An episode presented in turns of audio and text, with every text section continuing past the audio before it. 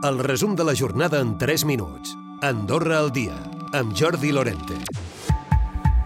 El Constitucional ordena que s'indemnitzi l'exconseller Dià Joan Basolí i l'antic president del Barça Sandro Rossell perquè s'ha vulnerat el dret a un judici de durada raonable. El 2017, Basolí i Rossell van ser detinguts acusats de blanqueig de capitals. Doncs bé, aquí al país segueixen pendents de judici. Parlava Basolí. Això és una sentència del Tribunal Constitucional, Constitucional però a la vegada la causa està oberta igualment. Llavors, suposo que això ajudarà a que, a que prenguin la decisió ja de, de, de, de, de que facin l'arxiu de la causa o, o que en jutgin, però el lògic seria que fessin l'arxiu de la causa. I el Consell d'Europa ha criticat amb duresa el procediment judicial contra la presidenta de Stop Violències. Segons la comissària dels Drets Humans, Dunia Mijatovic, es restringeix la llibertat d'expressió de Vanessa Mendoza i tindrà efecte paralitzador entre els defensors dels drets de les dones i les nenes d'Andorra. El dilluns comença el judici i en aquest sentit també s'ha volgut defensar el govern d'aquestes acusacions des del Consell d'Europa. El portaveu del govern, Guillem Casal. El govern va posar en coneixement de la Fiscalia Fiscalia uns fets concrets ocorreguts a partir d'unes dades objectives, d'unes frases que el govern creu que eren falses, injurioses i difamatòries pels treballadors públics. La valoració del govern no és sobre el pronunciament polític o la causa política que pugui defensar aquesta senyora, sinó sobre unes declaracions falses i injurioses.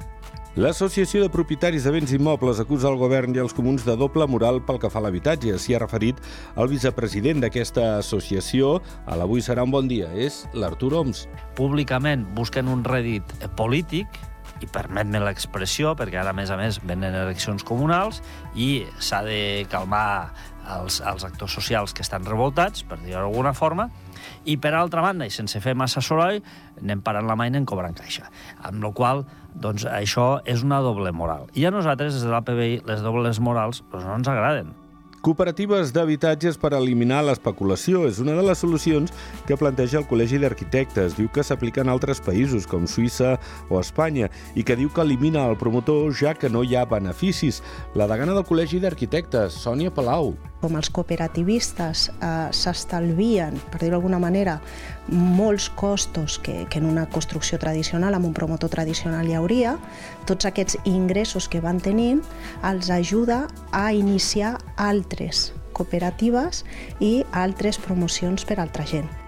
Gran Valira obrirà parcialment dissabte els sectors del Pas de la Casa i de Grau Roig.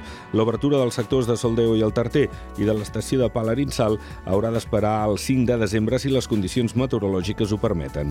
Ordino Arcalís, que va obrir el cap de setmana passat, mantindrà habilitada la zona de la Coma. Recupera el resum de la jornada cada dia a AndorraDifusió.d i a les plataformes de podcast.